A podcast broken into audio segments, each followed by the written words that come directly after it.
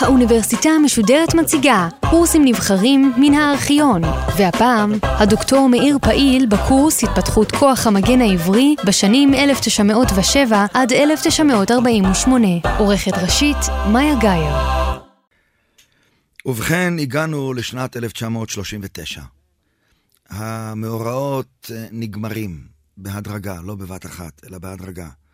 כתוצאה מהלחימה של הבריטים נגד הכנופיות הערביות בעומק השטח, בערי המשולש, בערי הגליל, בערי חברון, וכתוצאה מהמאבק של היישוב וארגון ההגנה ביישובים ובמרחבים היותר קרובים אל ההתיישבות היהודית.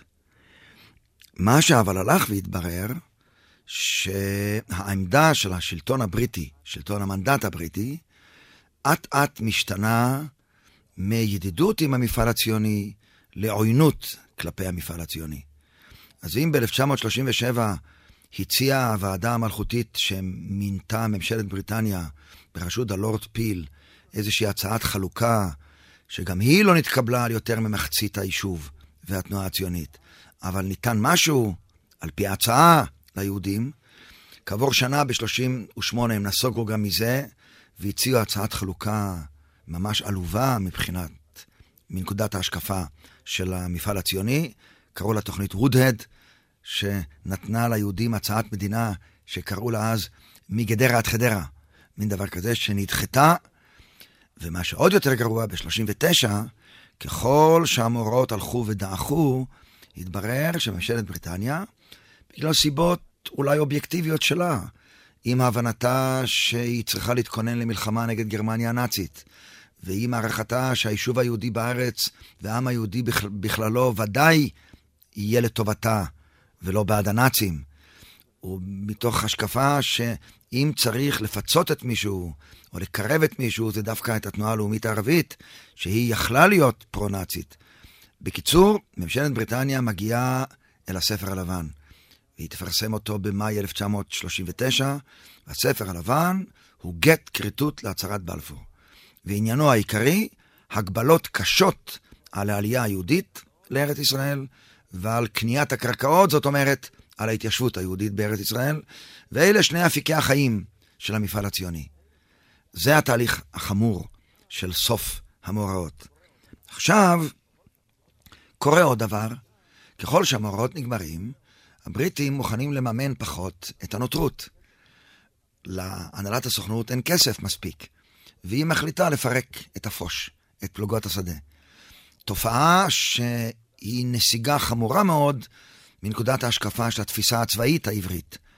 אין כוח נייד בשטח, נשארות רק נודדות קטנות של נוטרים. יגאל אלון בשעתו הגדיר את התופעה הזו של פירוק הפוש, שאנחנו נסוגונו מן הפוש אל החיש. מה זה חיש? כאילו במקום הפוש החליט הפיקוד העליון של ארגון ההגנה לבנות חיל, חיל שדה שבנוי מגברים, גם קצת נשים, בין הגילאים 18 עד 28, 30, מתנדבים אנשי הגנה, שיאורגנו במחלקות, בפלוגות, אחר כך בגדודים. כמובן, הם דומים לאנשי המילואים שלנו היום. הם עסוקים מי בעבודה, מי בלימודים, מי בתפקידים אחרים, ונהגו להתאמן בשבתות, בחגים, לפעמים שבוע או שניים על חשבון חופשתם, או מה שסידרו עם המפעלים. ואורגן חיל שדה כזה, חיש, חיל שדה בכל הארץ, אבל זה לא היה במקום פלוגות השדה. פלוגות השדה, השדה היו כוח מגויס, נייד, שהיה, עמד לרשות הפיקוד העליון, בעוד שחיל השדה, חיש, היה דומה למילואים במתכונת הרבה פחות משוכללת מה שאנחנו מכירים היום. מאחר שבכל אופן עוד היה צורך ביחידה ארצית כזו שתעשה פעולות מיוחדות, ומאחר שעדיין נמשכו המאורעות נגד הערבים, החליטו להקים יחידה קטנה שקראו לה יחידה לפעולות מיוחדות, שנקראה משום מה פום. למה לא פום? פום. פעולות מיוחדות. בראשה הוא עמד יצחק שדה, שהיה קודם מפקד הפוש, היו בה כמה עשרות חבר'ה מפוזרים בכל הארץ ביחידות קטנות, והם היו מקבלים משימות מאושרות ישר מיושב ראש ההנהלה הציונית. דוד בן גוריון עבד איתם ישר.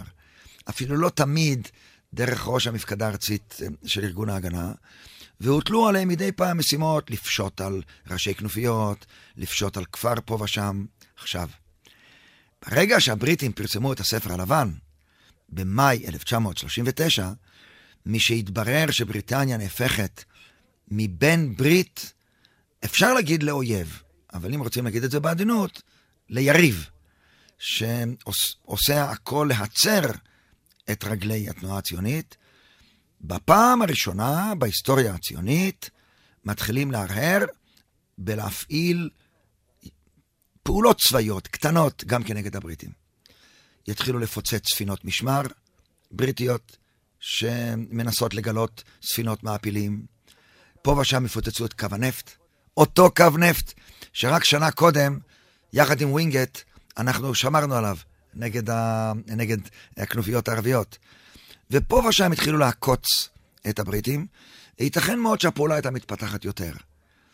אלמלא מלחמת העולם השנייה שפרצה ב-1 בספטמבר 1939. מה שאני רוצה רק להזכיר, שמה שקרה לארגון ההגנה בתקופה הקצרה הזו, דבר דומה, רק בקנה מידה הרבה יותר קטן, קרה גם לאצ"ל, כי אצ"ל היה הרבה יותר קטן. גם הם פעלו פה ושם פעילות של טרור עיוור כנגד הציבור הערבי, שלפי הערכת כולם לא היה אפקטיבי. אבל ברגע שהבריטים פרסמו את הספר הלבן, גם הם התחילו פה ושם לפתח פעולות עקיצה אה, בבריטים.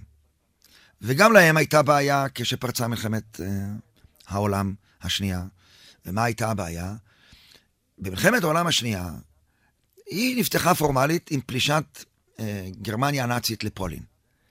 כעבור יומיים, בשלושה בספטמבר, בריטניה וצרפת הכריזו מלחמה על גרמניה הנאצית. עכשיו, מנקודת ההשקפה הציונית, ודאי גם היהודית, גרמניה הנאצית היא אויב, הייתה אויב הרבה יותר אכזרי, נבזי, מאשר האימפריה הבריטית אחרי הספר הלבן. וכתוצאה מזה הייתה דילמה די קשה, אנה אנו באים, כשבריטניה היא המעצמה העיקרית באותה עת הלוחמת נגד אה, גרמניה הנאצית.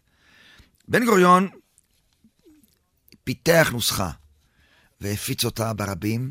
אני אקרא אותה בלשונה מילה במילה ואני אנסה לבאר אותה.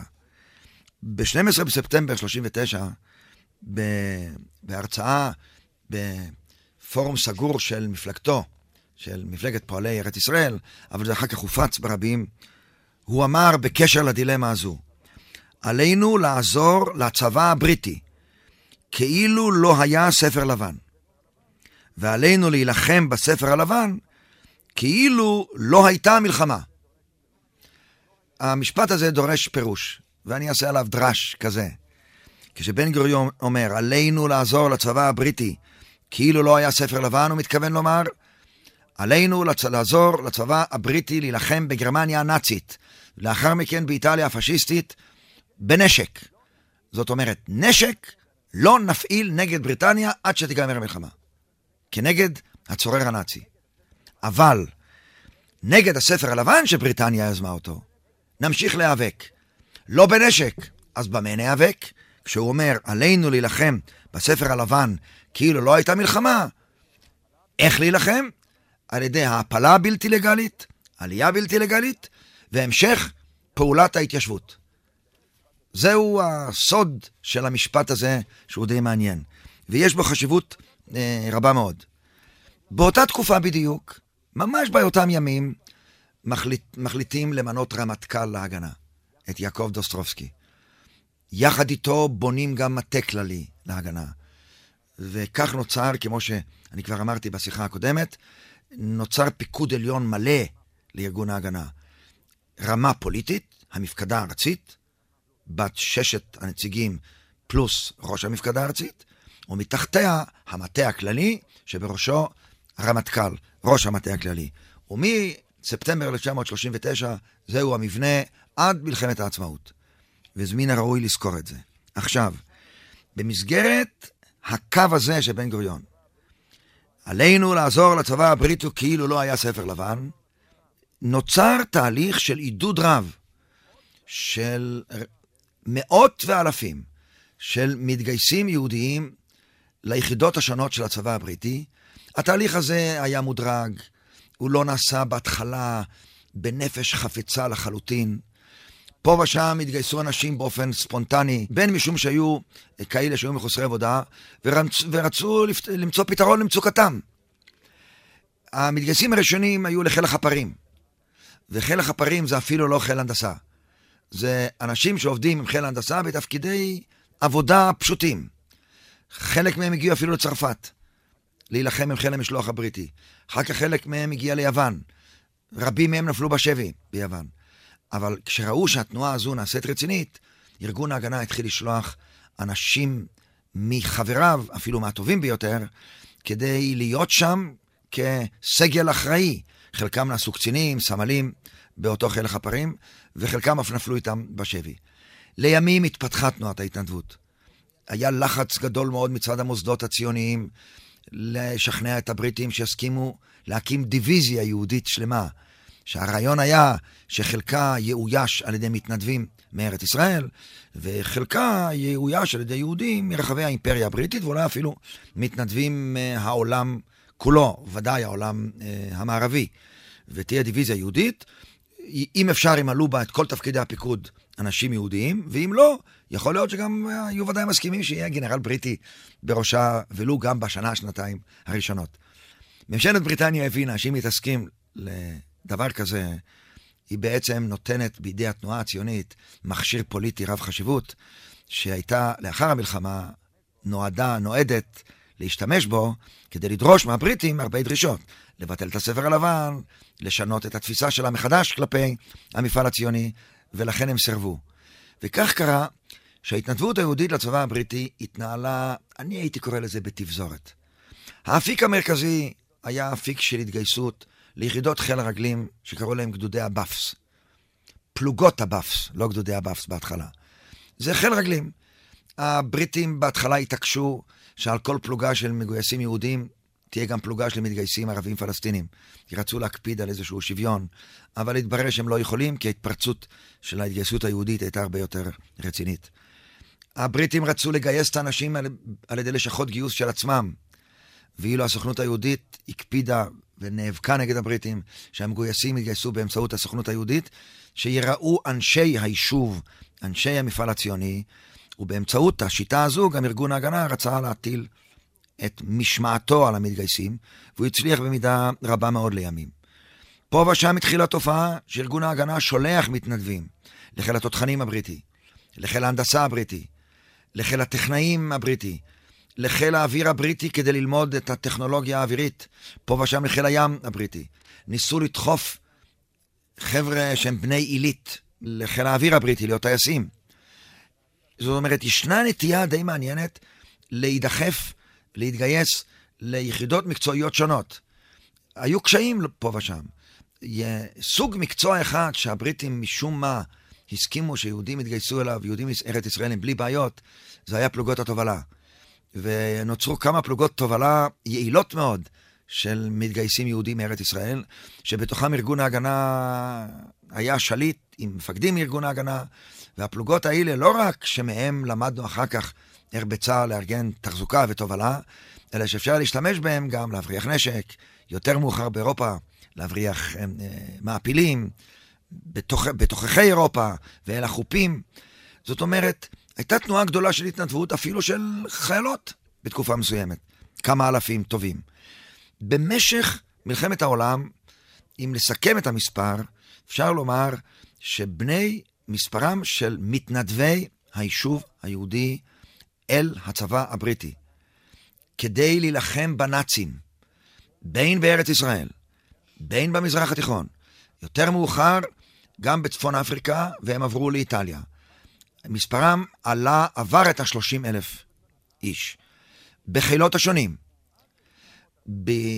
עד 1944 לא הצליחו אנשי הסוכנות היהודית, ההנהגה שלנו, לשכנע את הבריטים שיסכימו להקים עוצבה קרבית יהודית מהמתנדבים הארץ ישראלים. הם בשום פנים לא רצו להיעתר, כי הם חששו שעוצבה קרבית כזו, היא תהיה גם, נקרא לזה, מין אבן פינה פוליטית, שהתנועה הציונית תדרוש בתמורתה לאחר המלחמה איזשהו פיצוי. אבל המאבק נמשך כל הזמן. רק בשנת, במהלך 1944, הבריטים נאותו והסכימו להקים חטיבה יהודית לוחמת. בסלנג קראו לה הבריגדה. היא הייתה בריגדה עצמאית, לא שייכת לאף דיוויזיה, ולכן היא, נקרא, היא במונחים הבריטיים, היא נקראה brigade group. Brigade group משמע שהיא חטיבה מוגברת עצמאית. היא הייתה עוצבה עצמאית, שלושה גדודי חי"ר, regiment של תותחנים, זאת אומרת גדוד תותחים בין 24 קנים, פלוגת קשר, אלמנטים של שירותים, אלמנטים של סיוע אה, נוסף, פלוגת הנדסה, יחידות ציור. זו עוצבה של ממש. נתמנה לה מפקד יהודי בריטי, בריגדיר בנג'מין, זה קצין מחיל ההנדסה הבריטי, שפקד עליה, והבריגדה הזו, לאחר שהיא ניקזה אליה את רוב אנשי חיל הרגלים, שפה שירת בארץ ישראל בתפקידי שמירה שונים, אל מצרים והמדבר המערבי, שם מימנו אותם. העבירו אותם בסוף 44 לאיטליה, ובחורף 44, פברואר, היא הוכנסה, הבריגדה הזו, לקווים בצפון איטליה, באזור הסניו, וזכתה לעמוד במבחן קרבי אל מול פני הצבא הנאצי הגרמני בצפון אה, איטליה, ואפילו במשך כשישה שבועות, ואפילו זכתה להשתתף בפריצה האחרונה אל עמק הפו. לא היה לה ניסיון קרבי עשיר. יש לזה גם יתרון, ועוד נעמוד על זה אחר כך.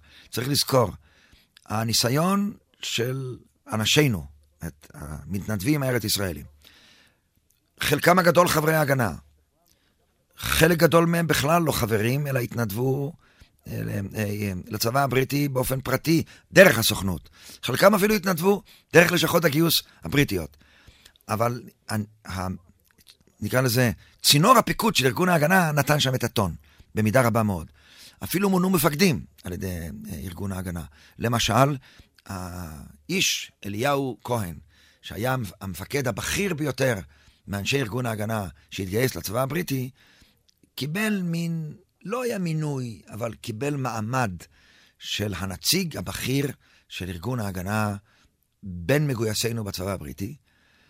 משה שרת, כדמות הפוליטית הבכירה ביותר שעסקה בתהליך ההתנדבות, לימים באיטליה מינה לתפקיד הזה את שלמה שמיר, שהיה מ"פ. היה קפטן, אחר כך היה מייג'ר, אבל נגיד, שני האנשים האלה, הם היו המרכזים הברורים בנושא תפעול ארגון ההגנה אה, ברחבי הבריגדה והצבא, ויחידותינו בצבא הבריטי. יש לזה חשיבות. עכשיו, מה החשיבות? הם לא הצליחו לזכות בניסיון קרבי רב, האנשים שלנו. הניסיון החשוב ביותר שהם הביאו הביתה, בחזרה, זה הניסיון של תפעול צבא סדיר, מודרני, גדול, על כל חילותיו.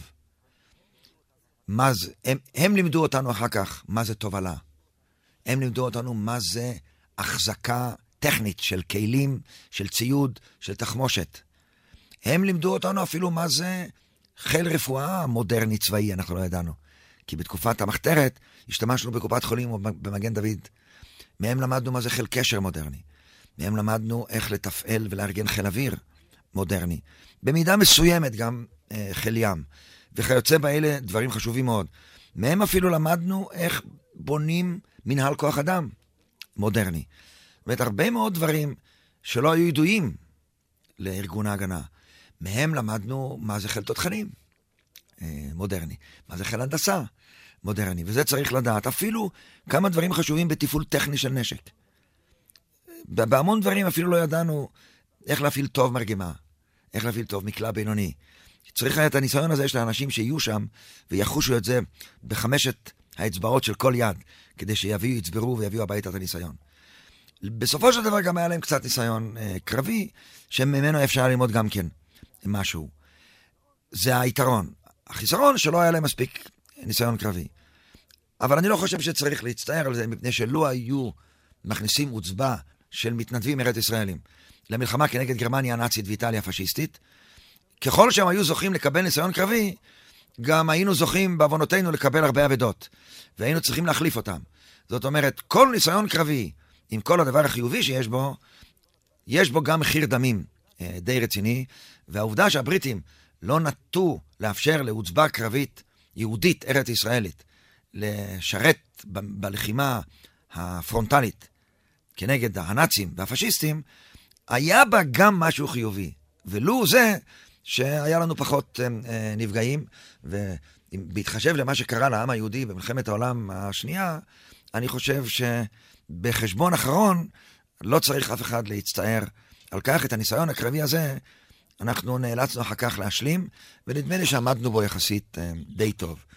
עכשיו, מה שעוד צריך להזכיר, שבמסגרת השיתוף הפעולה עם הצבא הבריטי, בעיקר בראשית המלחמה, גם בני היישוב היהודי בארץ, חלקם במדים וחלקם גם ללא מדים, השתתפו בפעולות מיוחדות. למשל, יש קבוצות, יש חוליות ארץ ישראליות שמטעם הכוחות המזוינים הבריטיים פעלו ב-1940, 41, 42 ביוון ובבלקנים, בתפקידי חדירה ומודיעין וריגול. יחידות קטנות של פלמ"ח השתתפו עם הפלישה של הבריטים אל סוריה. היא הייתה אז בריבונות של צרפת של וישי. במסגרת הפעולה הזו אפילו נשלחה סירת הכ"ג, ה-23, לפשוט על בתי הזיקוק בטריפולי. היא לא הגיעה ליעדה וכולם נספו. במסגרת הפעולה, הפעולה הזו גם אימנו את המחלקה הגרמנית של הפלמ"ח, שתפקידה היה, והיה אם הנאצים הגיעו לכאן, או לא כאן, להחדיר, נקרא לזה, חיילים עבריים בשם הבריטים אל העורף הגרמני במדים גרמניים כדי ליצור מבוכה ומבוקה ובוקה ומבולקה בעורף הגרמני. גם אצ"ל אפילו השתתף פעול, שיתף פעולה, ועובדה שמפקד אצ"ל, דוד רזיאל, נפל לא רחוק מבגדד, בראש חוליה של אצ"ל, שהגיע לשם בשליחות בריטית. זאת אומרת, גם אנשי אצ"ל הבינו שבימי הרת עולם כאלה, כמו שהיו ב-39, 40, 41, 42, 43 וכולי, האויב הראשי הוא גרמניה הנאצית ואיטליה הפשיסטית, ולא בריטניה, עם כל הכעס שלנו כלפי בריטניה בגלל הספר הלבן. לקראת סוף המלחמה, משנת 44, ארגון ההגנה אפילו הכין, על פי, בתיאום עם הבריטים, מספר די רציני של הרבה יותר ממאה לוחמים, כדי שהבריטים יצניחו אותם מאחורי הקווים של, של הגרמנים באזור הבלקן ואירופה המזרחית. לנו הדבר היה חשוב כדי להצניח שליחים אל הקהילות היהודיות, שלא היה ברור כמה מהם נשארו ומה מצבם, לעזור להם להתארגן ולהילחם. הבריטים הסכימו לכך ונתנו להם מעמד של אה, קצינים או סמלים בריטיים. אותם הם שלחו בתור מרגלים ממכשירי קשר, והתכוונו שהם יעבירו עליהם בתשדורות הלכות מידע. וכך צנחו בפועל 34 אה, אנשים אל העורף הגרמני, מתוכם שבעה נתפסו והוצאו אה, להורג. מתוכם היו כמה שעשו אה, פעולות נהדרות. יש כאלה שהצטרפו אל הפרטיזנים של טיטו, למשל, מי שלימים נעשה האלוף דן לאנר, ואחרים, שבהחלט עשו פעולות חשובות מאוד, בין בפעולות לחימה שסייעו לאינטרס של בנות הברית, בין במעשה ארגון של אה, אחינו בני ישראל, שארית הפליטה אה, באירופה. התופעה הזו של גיוס 30 ויותר אלף בני היישוב העברי לצבא הבריטי במלחמת העולם השנייה, אם נצרף אותה לגיוס של מאות אלפים של יהודים להילחם נגד מעצמות הציר, גרמניה הנאצית, איטליה הפשיסטית ויפן הקיסרית, בארצות הברית, בבריטניה ובברית המועצות, המספר הכולל של יהודים לוחמים עבר את המיליון. בתוכם 30, קצת פחות מ-35 אלף יהודים מתנדבים מתושבי ארץ ישראל. התופעה הזו יש לה ערך גם בשבילנו, גם להדברת הנאצים, ולפי הערכתי, היא גם עזרה לנו לא מעט בימים יבואו להקים כוחנו הצבאי הסדיר בתקופת מלחמת העצמאות.